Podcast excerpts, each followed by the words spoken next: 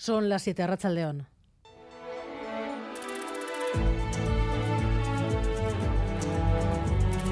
Gambara con Arancha García.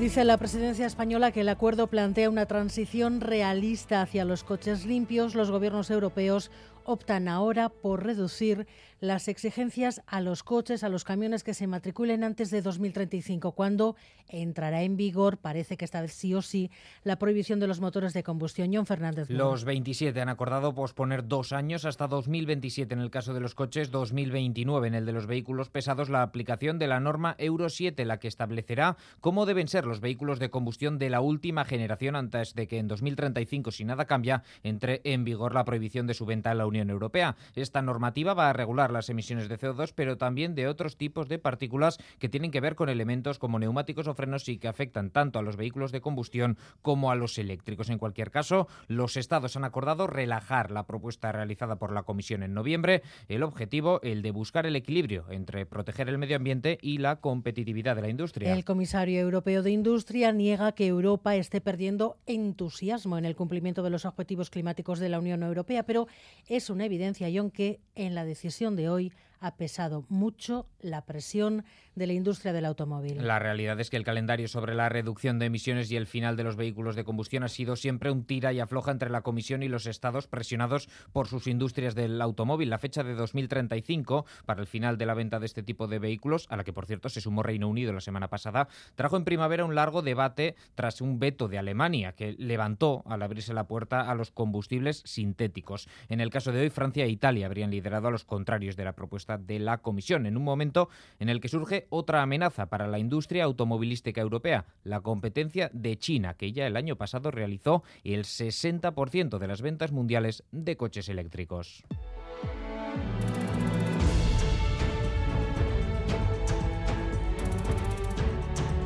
Este es el aviso a los padres y madres de la fiscal superior Carmen Adán.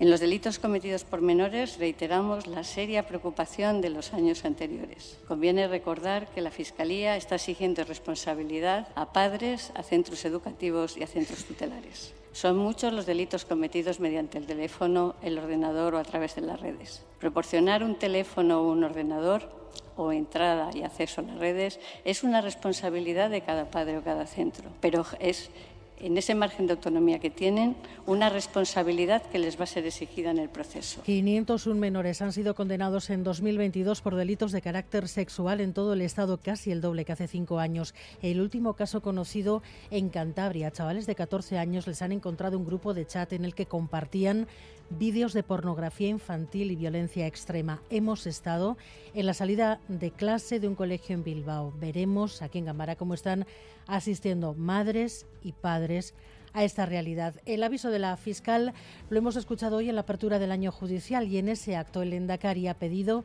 una justicia descentralizada para un Estado descentralizado. El Poder Judicial no debe ser ajeno a la conformación territorial descentralizada del Estado. Que esto suscite controversia es llamativo. Más si se repara en que el Poder Judicial es un poder atomizado y no unitario. Esta circunstancia no debería olvidarse a la hora de buscar una adecuación flexible del Poder Judicial y su Gobierno acorde con un Estado compuesto. El debate territorial que se instala en la previa a la investidura del nuevo presidente del Gobierno de España. Mañana primer intento. Todo el mundo da por hecho que será intento fallido a no ser que las llamadas a las conciencias que el PP lleva haciendo varias semanas consigan para Feijó cuatro síes mañana o cuatro abstenciones el viernes de Sarobaza. Fijo apura las horas para preparar su discurso en Génova. Mañana recitará un discurso de al menos hora y media en el que hará propuestas que se marcan en su programa electoral y en la defensa de la igualdad de todos los españoles. El fracaso se da por hecho también en Génova, pero el líder popular aún así intentará apelar a las conciencias de los diputados de otros partidos. La razón pretende que replanteen su sentido de voto, una apelación que ha causado malestar en el gobierno. Acusan a los populares de incitar al transfugismo. Mañana pleno de investidura de Núñez Feijo y los deportes, Edu García, Racha León.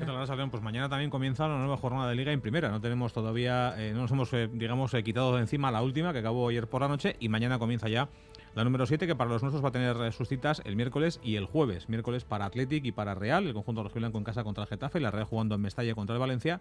Y jueves para la y Osasuna, el conjunto albiazul en Vigo ante el Celta y los rojos en casa contra el Atlético de Madrid. La buena noticia en el caso del Athletic es la recuperación de Nico Williams. Hoy ha entrenado ya con normalidad, se lesionó hace unos días en el partido contra Chipre, de entre España y Chipre.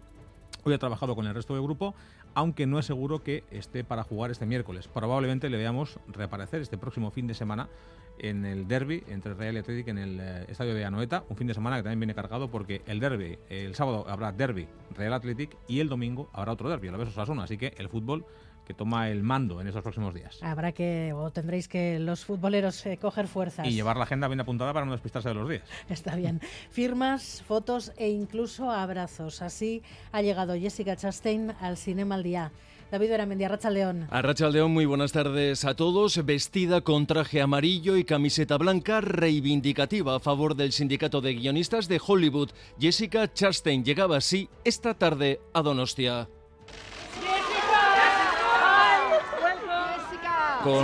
Llegaba con algo de retraso, pero que compensaba saludando uno a uno a los fans que le esperaban fuera del Hotel María Cristina. Fotos por aquí, autógrafos por allí, incluso se abrazaba así con algunos fans. Pues que yo sabía que iba a ser majísima, que iba a ser genial, pero es que todavía no me lo creo, la verdad. Foto, firma, abrazo, he dicho que le quiero y estoy muy feliz, la verdad. Y es que ha pasado 15-20 minutos saludando algo inusual y claro, al final se ha llevado la ovación de todos ellos.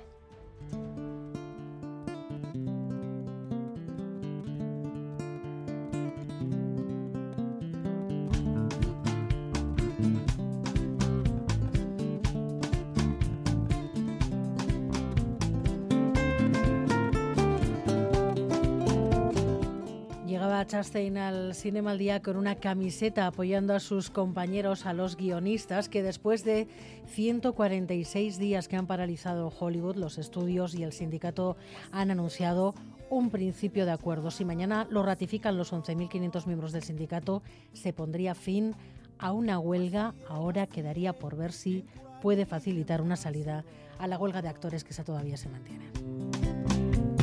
inkurani yɔrɔ bɛ kɛra kɛra waasi ye denmusonin yɔrɔ bɛ kɛra kɛra